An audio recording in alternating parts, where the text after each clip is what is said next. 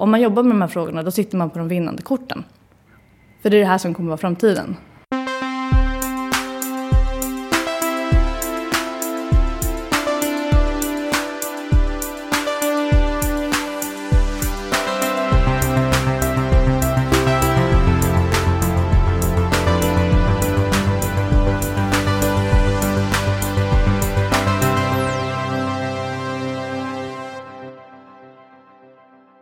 Hjärtligt välkommen tillbaka till Heja Framtiden med mig Christian von Essen. Jag sitter på Kitchen Studio, Roslagsgatan 23 i Stockholm tillsammans med Tove Björklund. Välkommen till Heja Framtiden. Tack så jättemycket. Eh, grundare av någonting som heter Recolab, eh, tidigare Recolab, men eh, vi försvenskade lite. Ja, lite grann. Recolab. Lite, lite lättare att säga. Mm. Yes. Eh, och brinner för eh, utrotningen av matsvinn. Ja, verkligen. Det ska bort helt enkelt. Det är ett dumt ner med det. Ner med det. Hur kommer det sig? Eller vad är din bakgrund som ledde dig in till eh, att brinna för matsvinn? Det började egentligen att eh, jag och mina medgrundare Katarina och Sara vi träffades på Stockholm Resilience Center där vi pluggade eh, en hållbarhetsutbildning. Och eh, har då kommit in i liksom, forskningsvärlden och började forska på de här frågorna. Och jag höll på mycket med hållbar hälsosam mat och där är ju matsvinn såklart en viktig del i det arbetet. Och vi kände väl alla tre en ganska stor frustration över att det finns så otroligt mycket kunskap som stannar eh, inom den akademiska världen. Eh, och vi kände bara, nej men vi måste, vi vet att vi kanske inte riktigt behövs här, vi behövs på ett annat ställe. Så då bestämde vi att eh, starta företaget. Då. Och sen så har vi jobbat då med olika typer av eh, frågor kopplat till hållbar hälsa, mat under de här åren. Eh, men nu på sista tre, fyra fem är det nästan åren så har vi jobbat ganska uteslutande med matsvinn. För att det är en, det är en lågt hängande frukt, brukar forskarna säga. Eh, Men det är fortfarande, eh, finns fortfarande otroligt mycket matsvinn. Och det står för en tiondel av de totala globala växthusgasutsläppen. Eh, Och där kan man liksom pausa och bara, oj, en tiondel. Förstår som, du då? hur- som, stålet. Typ. Eh, Stålet har inte jag koll på exakt vad det är, men det kanske är en tiondel. Det vet jag inte, men jag vet att det är, är ju enormt. Det är tre till fyra gånger större påverkan än alla flyg tillsammans, till exempel. Eh, och man pratar ju jättemycket om flyg. Flyg och tåg. Diskussionen är ganska het i Sverige. Men matsvinnet, ja, vi pratar ju om matsvinn, men man kanske inte förstår vidden av problematiken kopplat till det här.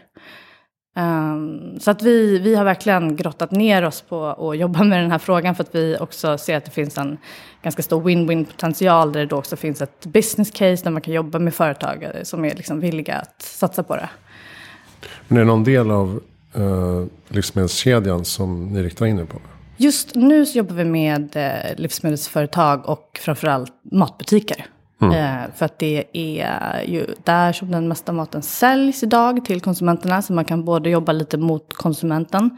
I Sverige är ju den största problematiken hemma i våra kök. Alltså att vi, det är utspritt på alla som bor i Sverige. Så. Men sen finns det såklart väldigt mycket att göra i butiken också. Och där jobbar vi ju aktivt med förändringsarbete. Hur går det, den typen av förändringsarbete till? Vad är det man tittar på när ni kommer in i en ny ICA Maxi? Så. Ja, nej men då, då jobbar vi alltid i ett projektformat. Eh, där vi då tar fram en målsättning för att eh, sänka butikens matsvinn med x procent. Eh, och sen så jobbar vi med, har vi tagit fram massa olika interaktiva metoder och verktyg för att se till att den här förändringen sker. Eh, men jag säger att en av nycklarna är ju verkligen att jobba tillsammans med personalen. Eh, de som ska driva igenom förändringen eh, och som kan se till att den här resan händer. Eh, det är liksom där vi måste börja jobba. Det räcker inte med handböcker och checklistor och så vidare. För det är någonting som de flesta butiker redan har på plats. Och många har kommit väldigt långt om man jämför med några år tillbaks. Men vi pratar fortfarande om liksom 1% av omsättningen. Och en snittbutik, kanske, en maxibutik kanske omsätter 400-500 miljoner. Och då har du 4 miljoner som åker rätt ner i soptunnan. Eh, och det är alltså tusentals ton vi pratar om här. Mm. Det finns så stor potential här att göra en väldigt, väldigt viktig förändring. Hur kan man mäta matsvinn på ett eh, korrekt sätt? Då? Ja, det är svårt, eh, men man får ju kolla på den statistiken som finns. Och sen så får man ju jämföra mot eh, året innan man gjorde insatserna. Så att man har likvärdiga siffror. Så då kan man ju se förändringen så att det är oftast har ju butikerna en, en eh, sophantering där de då får statistik från kanske ett sopföretag. Där man kan se då antal kilo eh, som har slängts under året. Och då kan man då jämföra mot de siffrorna till exempel. Eller så tittar man på eh, kronor och öron, ören. Så ser man ju förändringen i, i pengar istället.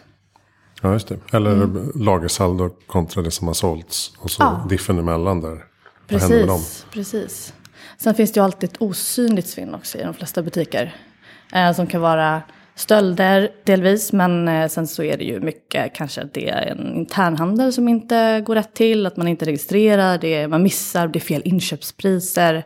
Eh, så det händer saker med statistiken som påverkar svinnet då.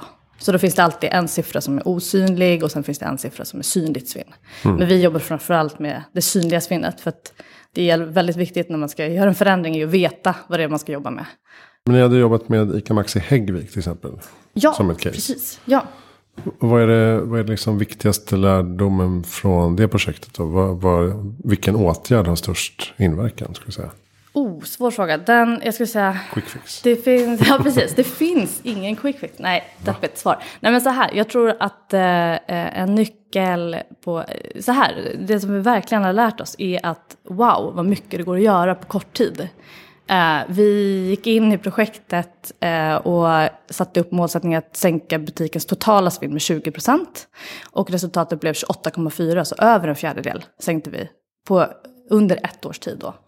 Eh, och det är väldigt mycket för i, när man pratar om i den här världen. Och det är också ja, tusentals kilo mat som man har räddat. Eh, och nycklar här är ju framförallt att jobba med en ordentlig nulägesanalys för att förstå hur, var, och varför uppstår svinnet. Men också att titta på just nycklarna för den effektiva sänkningen av svinnet. Alltså hur ska vi prioritera rätt här?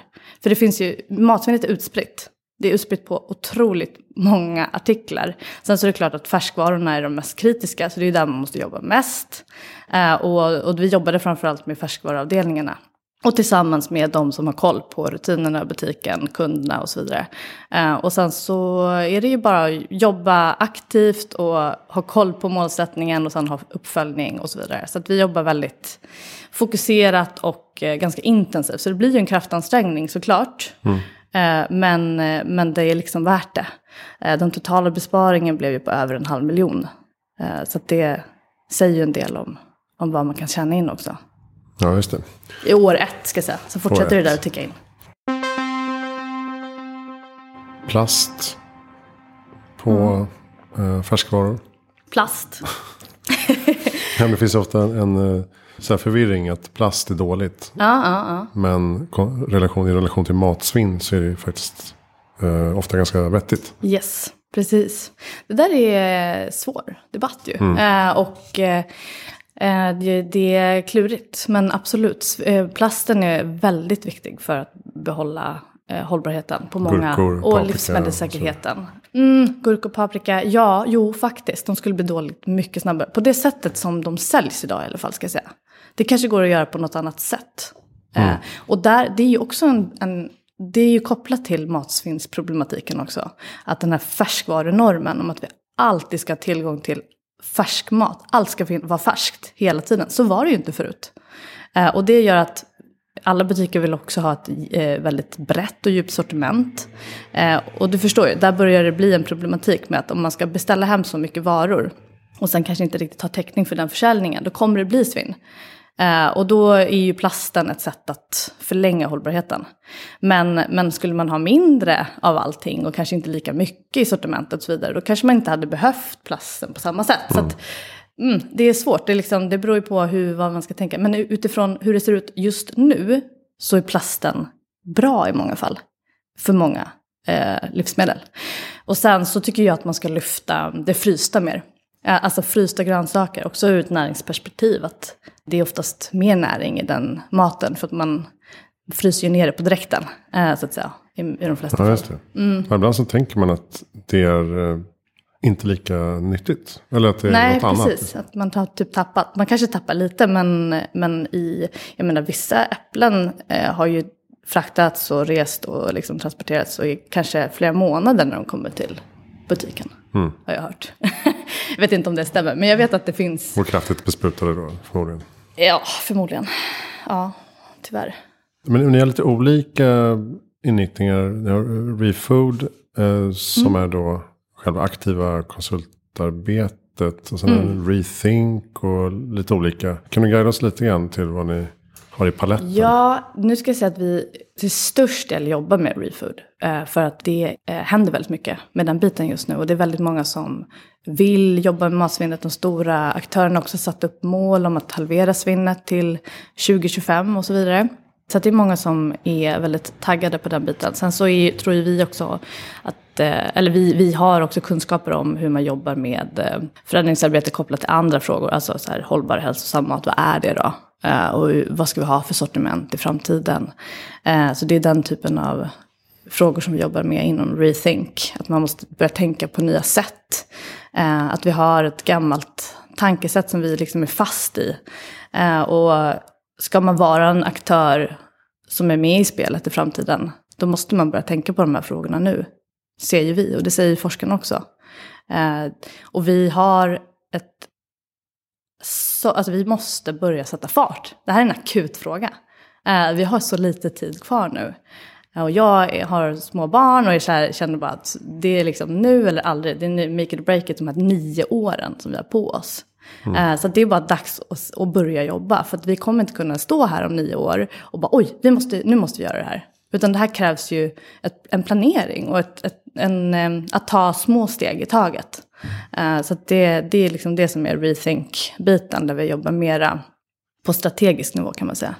Medan refood är mycket mer hands-on där vi jobbar i praktiken, vi jobbar på golvet, vi är med och ja, jobbar väldigt konkret med matsvinnet.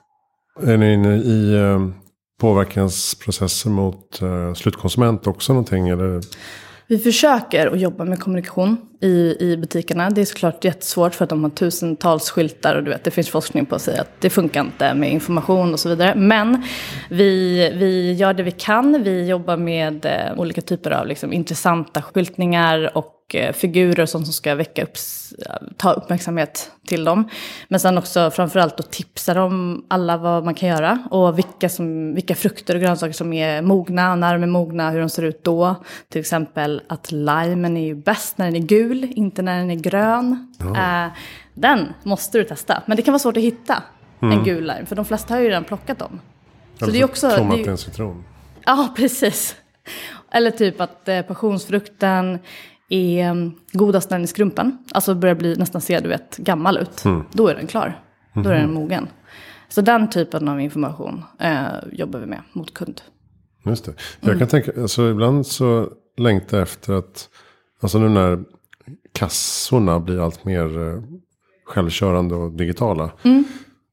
Så skulle man ju vilja att de istället satsar på en så här, hej jag är frukt och grönsaksvärd här idag. Jag kan rekommendera de här nya skogschampinjonerna som vi precis har fått in Ja. från Östergötland. Ja, Alltså någon som verkligen kan sortimentet och som är inte Mm, plockar så att det är fräscht. hela tiden. Det, det finns ju någon som plockar uppenbarligen. Men, absolut. men inte den här kundkontakten. Nej, det var en bra idé. det ska jag ta med mig. Ja men eller hur? För då, Ja. då blir man ju så här, ja, ja men det kan jag. Ja, det, Ja, det precis. Testa den Kan verkligen rekommendera till den här laxen som jag har. Eller vad det nu är. Exakt. Varför Ehm, inte? och får du över så kan du göra soppa imorgon. Alltså att man har lite kunskap kring det. Precis. Apropå det här med, eh, du tänker på självskanningen och det, eller hur? Med Ja men också, ja precis. Ja, för nu är det ju, många har ju så här 50% självskanning eller någonting Mm. stilen. Och då, det är ju också problem att, då, att kunderna är ju inte, kanske inte lika bra koll på hur de ska scanna rätt.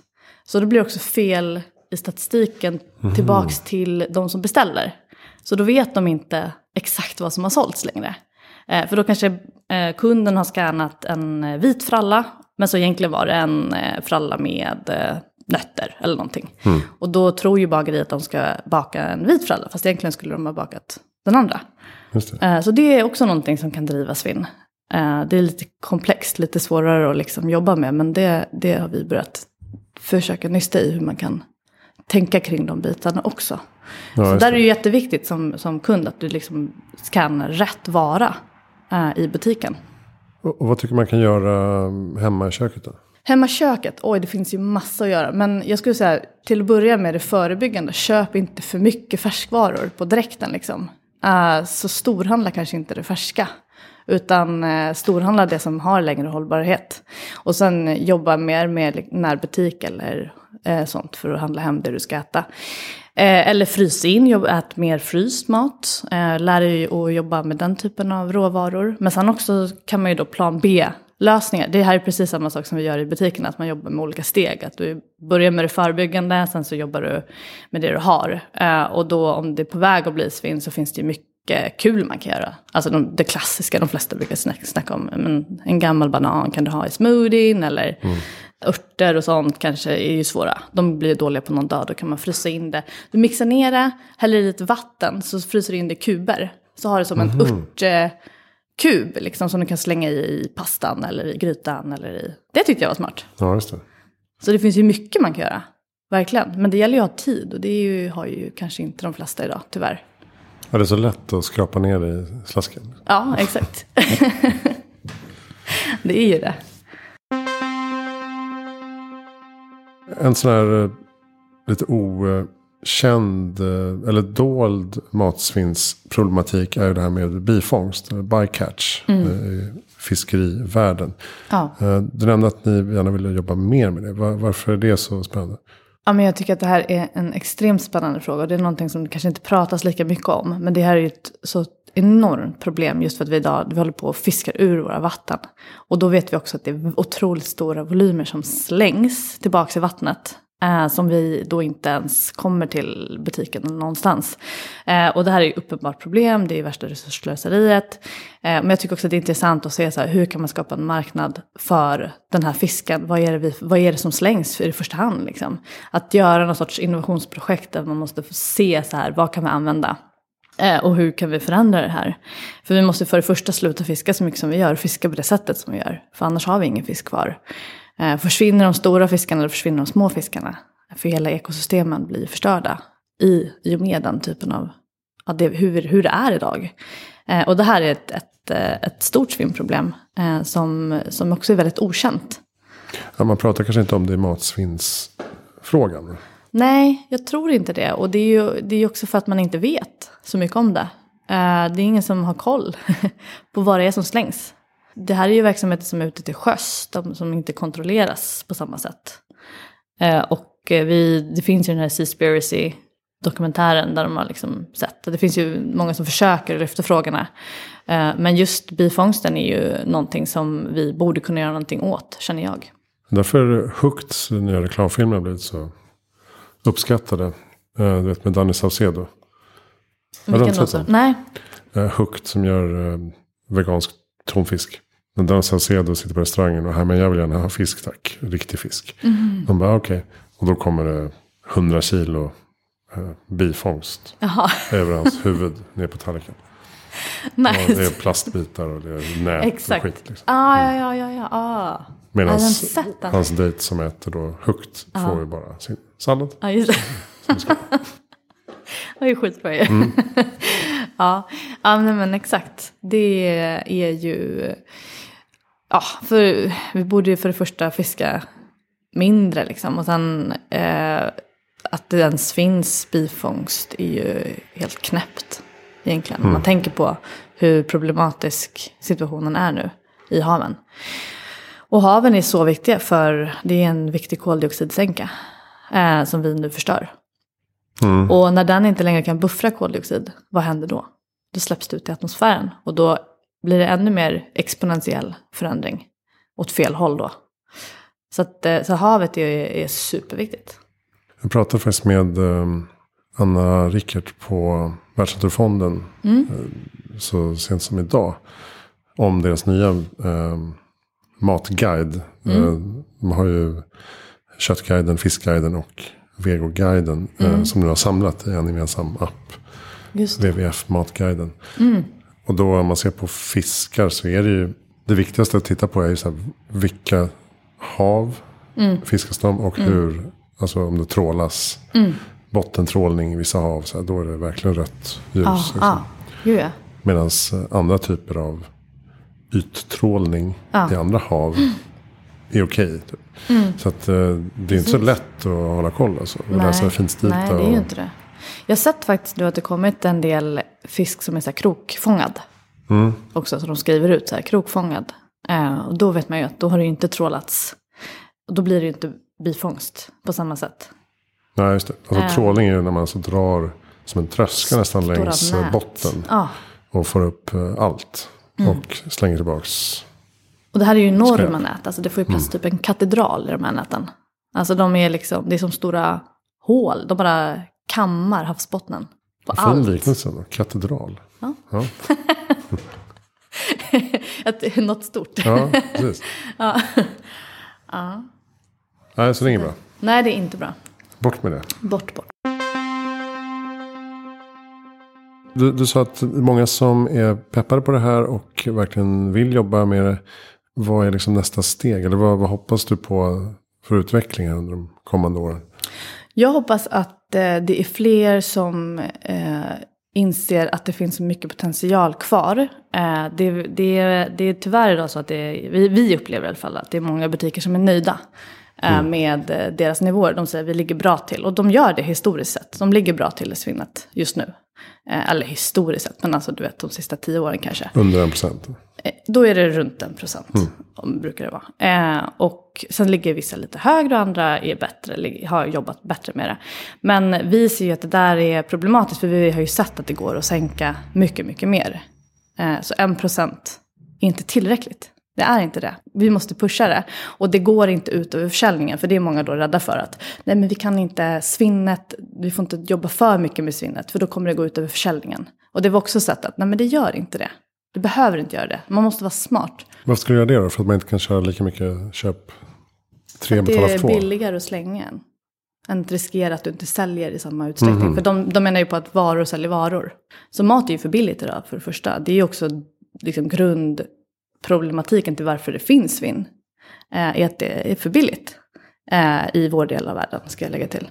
Så att det finns en överproduktion. Eh, vi har ju, alltså vi slänger ju en tredjedel av allt som produceras globalt. Och så skulle det inte varit om det hade varit dyrare. Det är ju inte bara matsvinnet som är ett problem, det är också hur vi producerar. Och, och idag är ju maten den enskilt största anledningen, alltså den enskilt största anledningen till klimat och miljöförändringen. Och det tycker jag är, den frågan måste vi verkligen lyfta och prata mer om. Och alla måste börja ta sitt ansvar i det här. Och det är absolut inte individens ansvar skulle jag säga. Utan det här är ju politiska frågor. Eh, där vi behöver starkare politiska ledare som vågar driva de här frågorna. Mm. Matsystemet står för 26 procent någonting. Av klimatpåverkan. Ja, alltså det, det är lite olika siffror där. Eh, allt ifrån 26 till upp till 40 någonting har jag för mig att jag läste. Det, det beror på hur du mäter. Men 70 procent av vattenanvändningen går till maten, av den globala vattenanvändningen. 75 procent av all markanvändning. Matsvinnet kostar 750 miljarder dollar årligen. Det är tunga siffror, alltså man blir ju deppig av det här såklart. Men det är också så här, vi ser ju eh, just med de här resorna som vi har gjort hittills, att det har, varit, det har varit svinkul. Alltså det har varit verkligen jätteroligt att få jobba med det här. Och de allra flesta tycker att det är jätteroligt. Och känner också ett mycket större engagemang och driv för, sin, för sitt uppdrag. Eh, I och med att man får jobba med någonting som kanske är större än själv. Liksom. Eh, så jag tror att man måste börja se det på det sättet. Att vi sitter, man sitter på, om man jobbar med de här frågorna, då sitter man på de vinnande korten. För det är det här som kommer vara framtiden. Alltså vi måste börja tänka på det på ett annat sätt.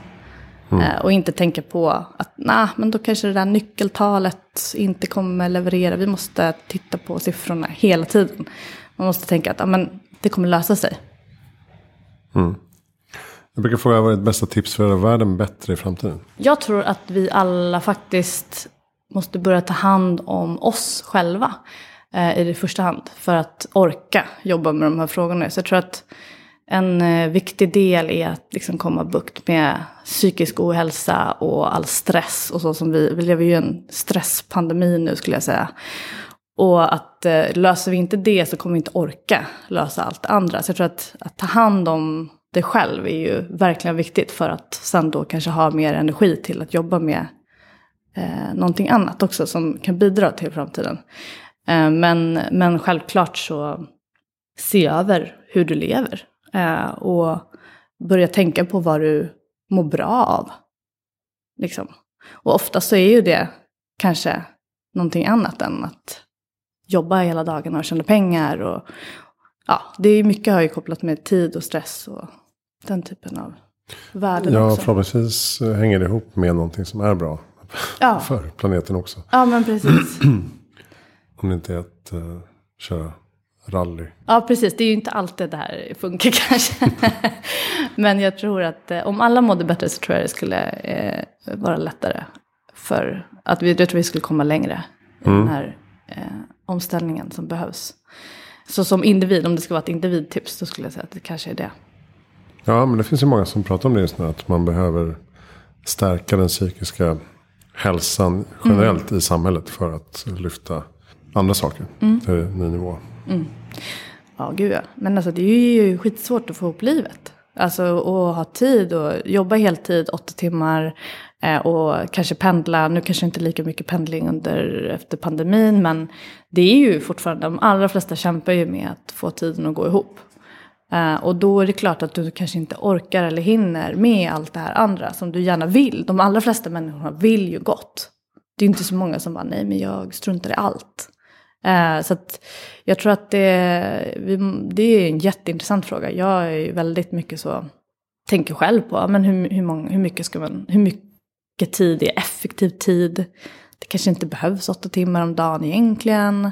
Och det har de också sett i studier, typ i Island tror jag det var. Jag vet inte om du har koll på den här, med Nej, att de jobbade sex timmars dagar och var lika produktiva. Mm.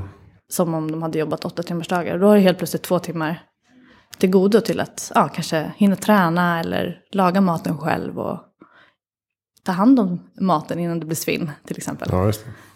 Har du bra lästips eller poddtips?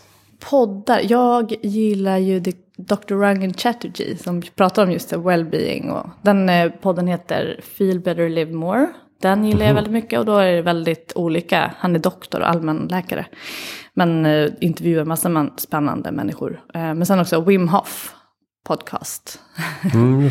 The Iceman kallar sig han. Iceman. Jag kommer inte ihåg vad hans grej är riktigt. Han badar i iskallt vatten, eller badar året runt. Och de har nu studerat det här och sett också att det är kopplat till eh, väldigt mycket eh, intressanta grejer. som man kan bli av med en E. coli-bakterie och så vidare. Eh, genom, och då andningstekniker också är det som man jobbar med. För det är ju, eh, ser de ju nu också att det är mycket att vi, vi eh, inte djupandas under dagarna. Vilket är, det är ju våran livskraft, liksom, andningen. Så den behöver vi ju hålla igång. Eh, och det är ju kopplat till stress och sådär. Att man är här uppe hela tiden och andas snabbt och sådär. Och då har de sett att om man bara kommer ner i det. Och, ja, jag kan inte det här så bra, men den är bra. Så den skulle jag lyssna in. Ehm, mm, mm, mm. Ja, men det är nog de två. Mm, bra. Det var lite kopplat till det vi precis sa, eller pratade om. Ja, också, precis. Att må bra. Båda de grejerna har nog eh, koppling också till eh, åldrande. Att förebygga åldrande. Alltså i alla fall eh, kallbadandet som vi sett Ja, men visst. i åldrande forskning. Att det Precis. har effekt på att eh, föryngra cellerna. Jag har faktiskt testat nu en gång, några gånger, bara för att jag började lyssna på den här podden. Och det är, jag trodde att jag skulle få panik typ, för jag känner, så här, om, har, du is, har du bastat så här isbastu, du vet isvak och bastu någon gång? Ja, inte riktigt isvak tror jag. Men Men väldigt Nej, kallt liksom. Och så ja. man är ju så spänd och bara, Åh, jag vågar inte gå ner. Och sen så, men det, poängen är ju att man ska komma ner i den här lugna djupandningen. Och det som händer är att du, det är inte alls lika farligt. Alltså man går ner och är lugn. Och sen eh, så kanske man inte kan vara i så länge såklart i början. Men, men när man kommer upp, det coola tycker jag är att man inte fryser. För att kroppstemperaturen regleras ju. Det hade jag ingen aning om och det tyckte jag var så häftigt. Jag bara wow, det här funkar ju verkligen. Och mådde skitbra efteråt faktiskt. Måste jag säga. Så att, ja, det var spännande. vem tycker att jag ska intervjua? Ja, men då skulle jag säga Olga Grönvall Lund. Som... Hon har varit här. Hon har varit här, okej. Ja, hon har inte, har inte släppt avsnittet men hon har varit här. Nej, okej, okej. För vi, jag är ju med i, i den, i reformaten. Kan du inte intervjua någon politiker? Ställa frågor om mat. Någon liksom som jobbar kanske mer ja, med Stockholms stad. Ja, men så här, vad gör de? Jag skulle vilja höra mer om. Vad är planen liksom? För de här fr- framtidsfrågorna. Mm, ja, men det är bra. Det finns säkert någon som jobbar med exakt detta. Tack snälla Tove Björklund för att du kom till Heja Framtiden. Ja, men tack själv. Jättekul. Kul att vara här. Och eh, kolla in Recolab, alltså Recolab C och 2L.com. För Yes. mer information om hur man kan jobba med matsvinnsfrågan i framförallt då livsmedelskedjan. Alltså livsmedelsbutikerna. Ja, eller i andra, alla som jobbar med livsmedel egentligen. Men Mm. absolut. Och en av anledningarna till att vi sitter här idag är ju att eh, vi kommer med det här eh, fina, det fina magasinet Framtidens hållbara matsystem. Som eh, släpps nu i januari 2022. Det är alltså tredje utgåvan. Och den gör vi tillsammans med livsmedelsföretagen. Och eh, vi kommer nu göra en liten artikel av detta samtal också. Alla artiklar i den kommer också upp på framtidenshallbara.se. Framtidens hållbara. Framöver så räknar vi med att släppa andra titlar inom det konceptet. Så att eh, det här är bara början på någonting.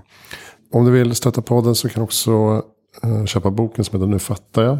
Som kom ut i oktober 2021 tillsammans med Henrik Smolak från podden Under 15. Vi förklarar 15 digitala trender och fenomen. Vi kallar för vår digitala samtid och framtid. Och där är Foodtech och Agtech eh, första kapitlet. Och där tar vi också upp matsvinn. Lite snabbt och smidigt. Tack Tove för att du kom till Heja Framtiden. Ja, men tack så jättemycket. Kul Och, att vara eh, här. Tack till dig som lyssnar. Hejaframtiden.se hittar all information. Följ oss gärna på sociala medier. Jag heter Christian von Essen. Tack för att du lyssnade.